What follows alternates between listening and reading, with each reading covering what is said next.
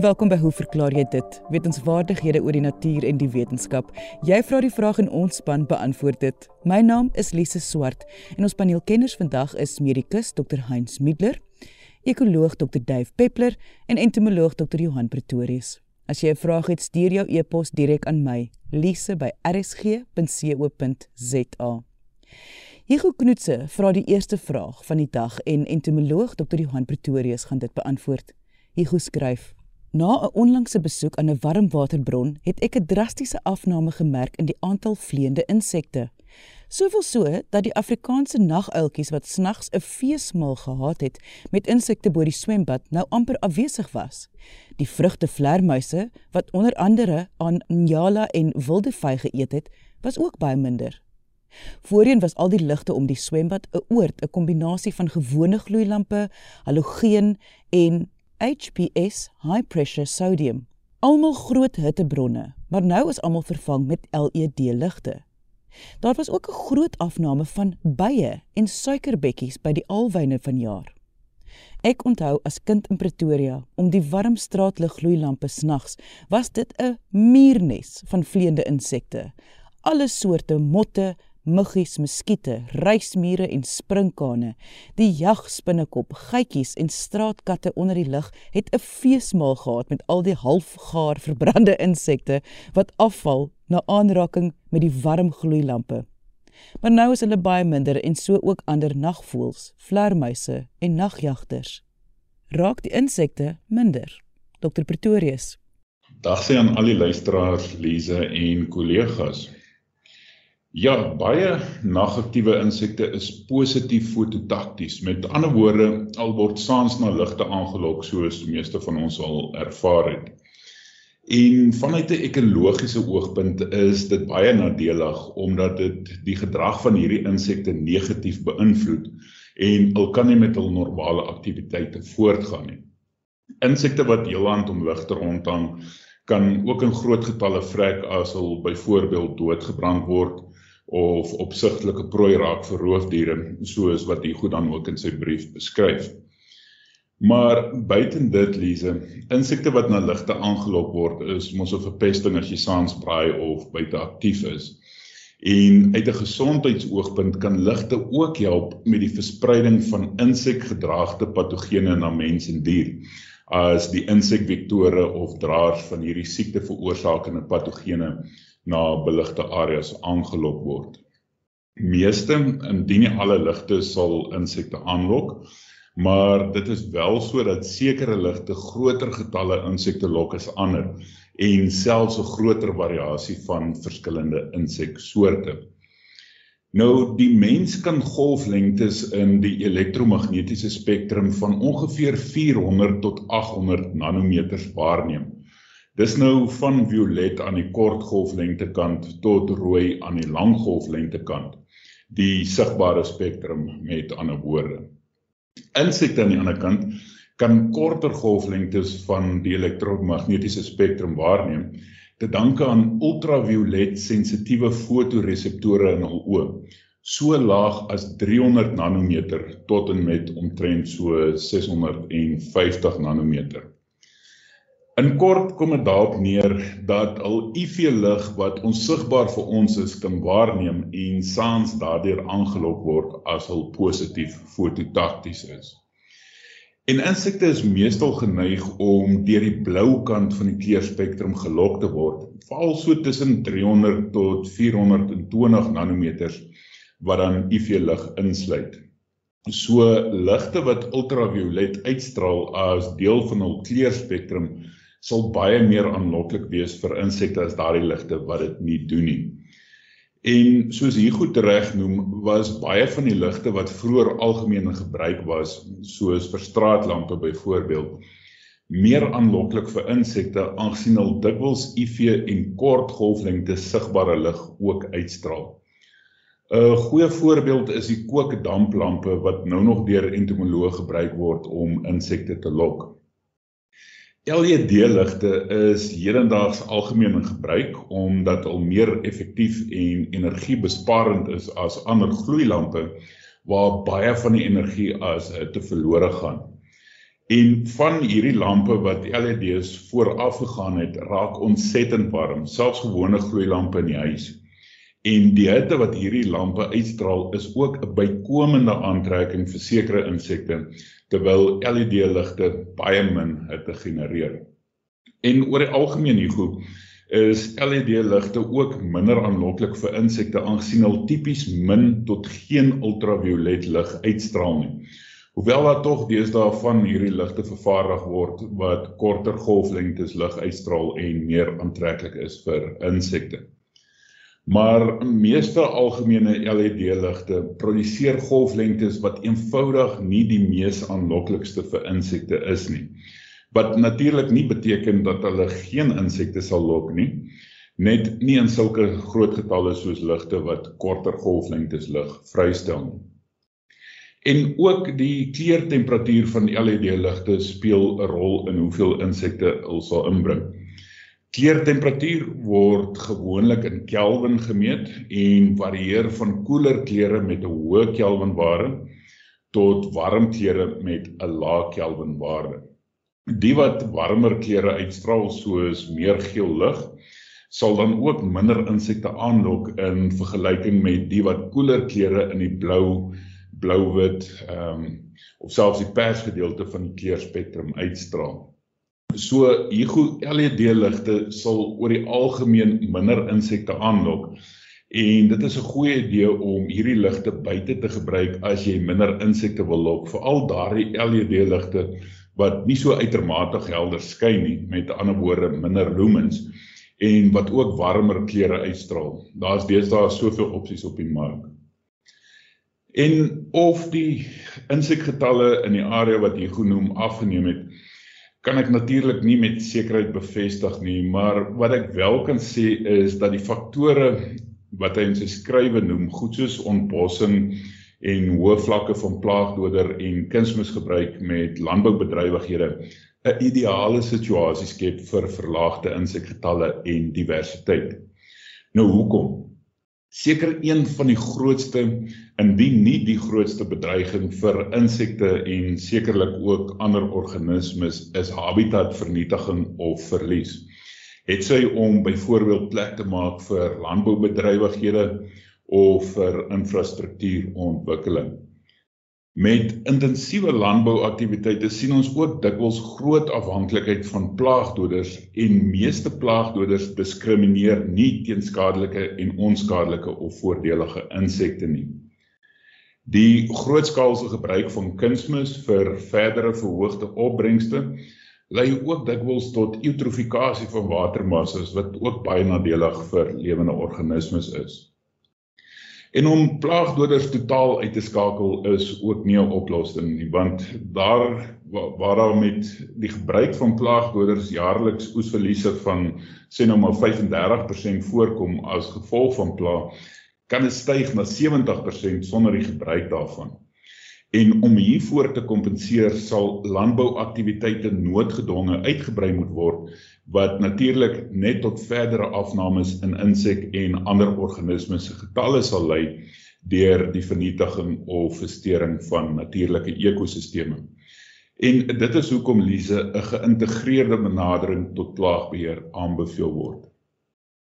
Nou wêreldwyd heers daar kommer oor die moontlike afname in insekgetalle gaan kyk gerus hoeveel boeke is die afgelope tyd oor hierdie onderwerp geskryf en die aantal studies wat hieraan aandag gee.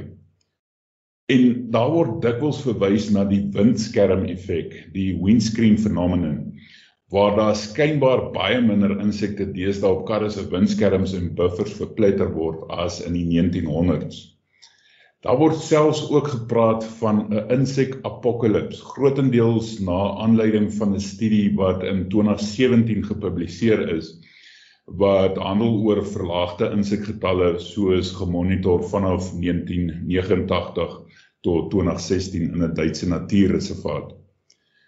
En deesdae is daar al hoe meer studies wat verlaagde insekgetalle rapporteer, maar in sommige gevalle is gevind dat insekpopulasies en sommige spesies weer aan die toeneem is in sekere areas of dele terwyl ander weer nie geaffekteer blyk te wees nie. So dit is 'n moeilike saak. En meeste van hierdie studies is in die noordelike halfrond gedoen met min werk in die suidelike halfrond en tropiese gebiede.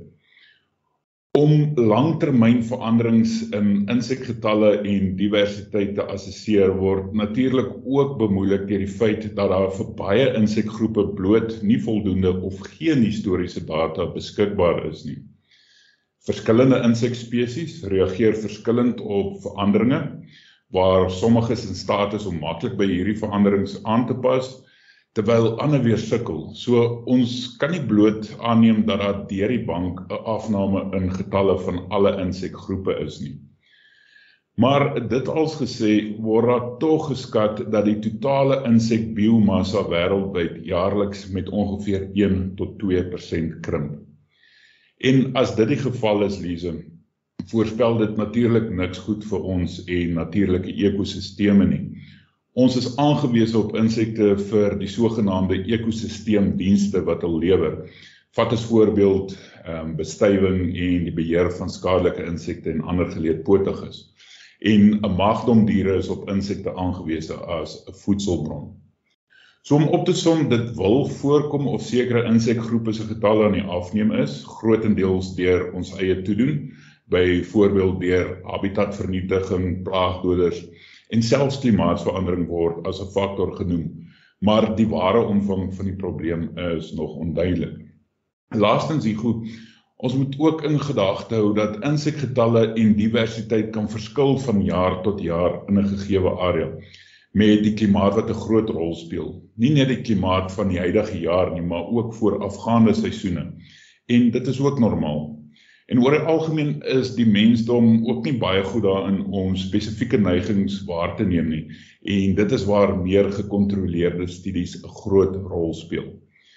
Ek hoop jy goed dit beantwoord jou vraag en ek dink dat komende jare vir ons 'n beter prentjie sal skets van wat eintlik met insekgetalle aan die gebeur is. En hopelik is dit dan nie te laat vir wesenlike optrede nie. En dit laat mens wonder, Lize.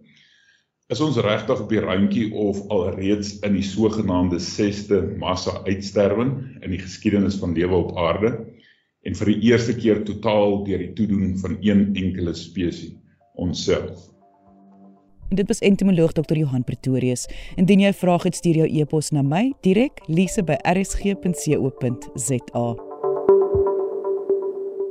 Volgende vra Annelien van Stellenbosch 'n vraag na aanleiding van 'n vorige vraag oor 'n James Bond film. Annelien wil weet waar die term slip him a Mickey vandaan kom, want gereeld in films word hierdie taktik aangewend om iemand te ontvoer. Medikus Dr. Heinz Middler gaan haar vraag beantwoord. So die term slip him a Mickey Ons almal weet wat is dit jy moet altyd oppas vir 'n Mickey dat jy nie 'n Mickey drink nie. Laat daar nie en wat dit beteken is kyk uit dat jou drankie nie gedokter word nie. En deesdae is dit 'n groot probleem mense wat uitgaan, veral meisies. Ehm um, hulle moet maar altyd kyk as hulle 'n glasie geskink word en hulle gaan toilet toe of iets, wat gebeur met daai glas? Gooi iemand iets in en dit is regtig baie algemeen. So jy moet jou drankie self koop, verkieslik in 'n bottel, hou dit in jou hand en jy laat dit nie los nie. Ehm um, dit is die raad. Ehm um, want dit is so maklik om iets in te gooi wat smaakloos en kleurloos is en as jy weer sien kan jy nie onthou wat gisterand gebeur het nie. Nou Bond het altyd ook maar sy drankies dopgehou en in verskeie van sy films kan gesien word hy kry 'n whisky of iets as jy weer sien dan raak hy in 'n ander kamer wakker dan die skurke hom gevang en hom opgesluit en hy want hy het net aan die slaap geraak. En dit is hulle hy slip team 'n Mickey. Nou waar kom die naam vandaan? Mickey uh, is eintlik Mickey Finn. Mickey Finn was 'n Amerikaanse kroegman en hy het hierdie nare gewoonte gehad om vir sy klante varkdoppe te gooi. So hy maak hulle letterlik dronk. Hy sorg dat al bestel hulle 'n enkel, kry hulle 'n triple. Hy wil hulle so gou as moontlik dronk maak en dan beroof hy hulle. So dan vat hy al hulle geld, hulle horlosies en alles en hy gooi hulle uit op die straat. So dit is waar die naam vandaan kom. En dat daar word uh, tradisioneel aangeneem die middel wat hy gebruik het was chloral uh, chloraalhidraat. Nou hierdie is 'n middel wat gebruik word uh, in kinders veral vir premedikasie jare gelede word nie meer deesdae gebruik nie want dit is kleurloos en reukloos En dis 'n ou middel, is al hier in die 1860s uitgevind. En dit is wat hulle gesê het het Mickey gebruik. Maar dit is onwaarskynlik dat dit is wat Bond inkry want dit werk nie so vinnig nie. Dit is net in flieks waar dit so vinnig werk. So ehm um, dit word nie gebruik selfs wanneer jy 'n meisie se drankie in die kroeg wil dokter nie. Daar gebruik hulle gewoonlik jou benzodiazepine. En ons almal weet van Rohypnol, flunitrazepam wat bekend staan as die rypdrak, die ehm um, dit werk binne minute. So as jy sê nou maar want Rohypnol was al die jare is dit maar 'n slaappil. So as jy nie gewoond is aan die goed nie en jy vat een Rohypnol pil wat opgelos is in jou drankie, dan gaan jy binne minute begin vaak raak en jy gaan nie weet wat aangaan nie. En ehm um, die probleem daarvan is dit gee ook vir jou retrograde amnesie. So jy gaan nie onthou wat met jou gebeur het nie. Jy verloor jou geheue, jy weet nie waar was ek, hoe wanneer het ek in die slaap geval het, wat het hulle met my gedoen nie. Ehm um, jy weet van niks. So dis 'n baie gevaarlike ding en die, die jong mense moet definitief daarop attent wees. En daar is 'n magdom van benzodiazepine wat gebruik word vandag. So dis nie net Rohypnol nie, dit was maar tradisioneel die eerste ene wat ehm um, aangewend is vir 'n bietjie. En dit was medikus Dr. Heinz Middler. Martin Loubser het 'n vraag vir Dr. Dave Peppler. Hy skryf: "Help asseblief. Die indringerboom neem ons wêreld oor. Die droë Boesmanland tussen brandvlei en pofadder. Aangesien voelend 'n baie goeie en voedsame kos vir herkouers is, sal ons 'n magtom kos vir ons skape kan produseer, sou ons op elke prosopis boom voelend kan vestig." Sou dit moontlik wees? Dr Peppler? Hierdie vraag van uh, Martin Loubser het ek eers gedink, waarvan praat die man en toe besef ek hy het dalk iets weet. Nou, uit onkunde het baie lande in die geskiedenis 'n lat vir hulle gat gesny uh deur plante van elders in te bring. Kom ons kyk net weer vinnig. Ek het dit al by herhaling gesê. Sê nou maar, net argumentsonthaalwe, ons bring 100 plante uit Engeland en plant hulle in Suid-Afrika. Karoo, Tafelberg, uh Vrystaat waar ook al. Van hierdie 100 sal 10 oorleef. Met ander woorde, hulle sal posvat en aanhou leef, soos 'n jacaranda boom. Maar een van hulle, een uit elke 100 gaan 'n ernstige indringer word. Dit is die algemene statistiek. Nou ja, wat is 'n indringer dan? dit is 'n organisme en dit is nie net plante nie, dit kan 'n vis of 'n skulp ook wees wat nie inheems aan 'n gebied is nie, maar dan oorvat. Hulle begin um onbeheerst groei en vermeerder.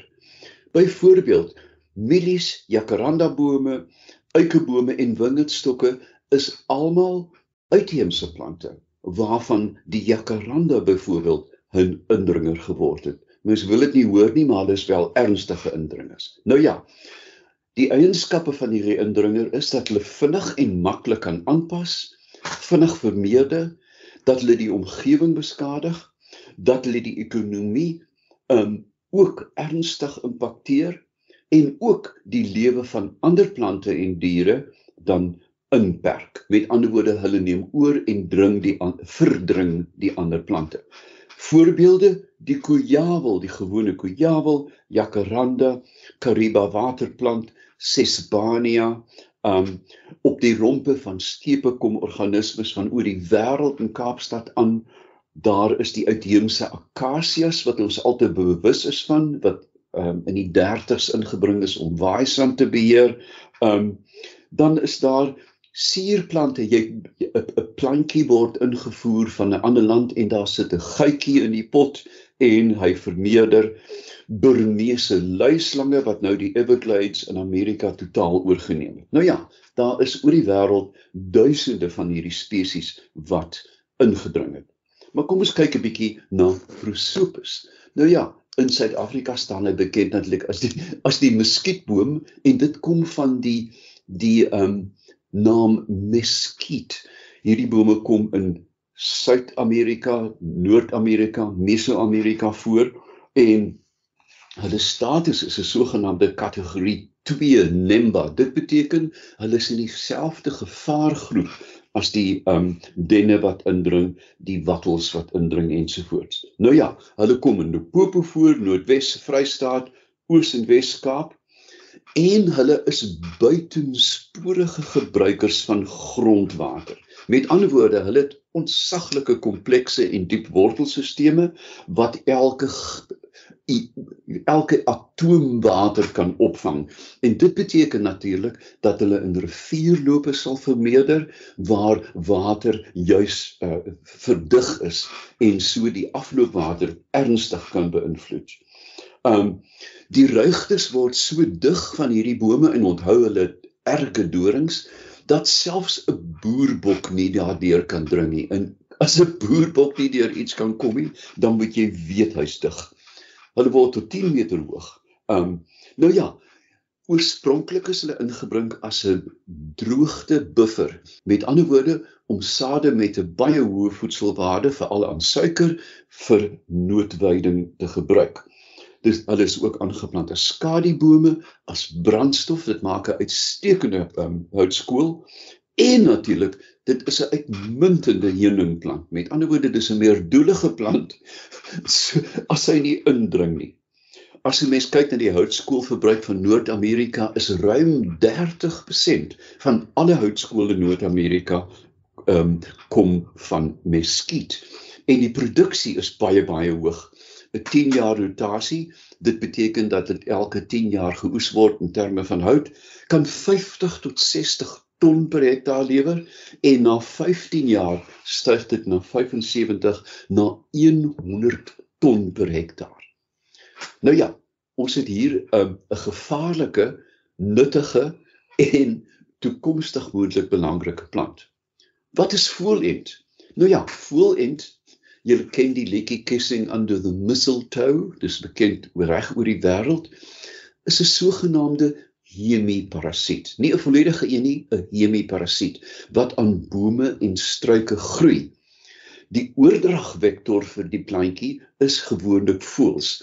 As jy kyk na voëlend wat op 'n doringtak sit, is daar klein, soms helder kleurige bessies.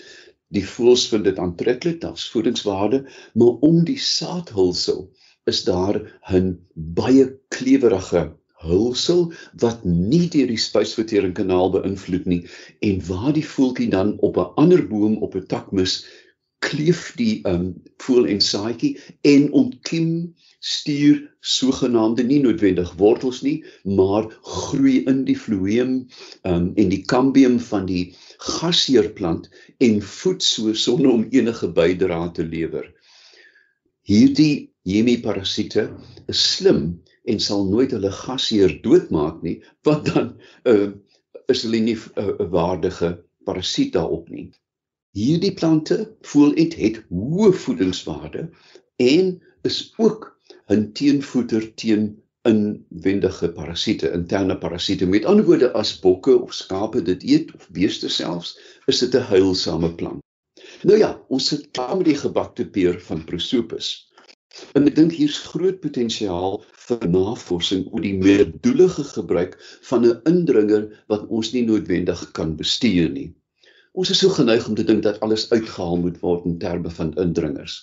Maar as 'n mens kyk na Namibië waar um akasias indring, bestuur boere dit met 'n ruitpatroon. Met ander woorde, hulle maak bane in 'n ruit deur die indringer opstand en bestuur dan hierdie skoon stroke. Ek dink ons moet die ruitwerk oorweeg. Ons het dan 'n indringer wat ons mee sit wat vir ons houtskool kan bied, heuning, voedsel uit sade en ook uit voelend. Martin, dankie vir hierdie boeiende vraag. Ek het my eers 'n bietjie dom gedink daaroor en toe besef dat jy werklik iets interessant weet het. Jy het dalk 'n nuwe bestuurstelsel vir indringers bedink. En dit was ekoloog Dr. Dave Peppler. Onthou as jy 'n vraag het, stuur jou e-pos direk aan my, lise@rsg.co.za. Ek sê baie dankie aan ons kenners en vraagstellers vandag. Onthou om altyd nuuskierig te bly en vra te vra. Tot volgende week hier op RSG, saam met my, Lise Swart. Totsiens.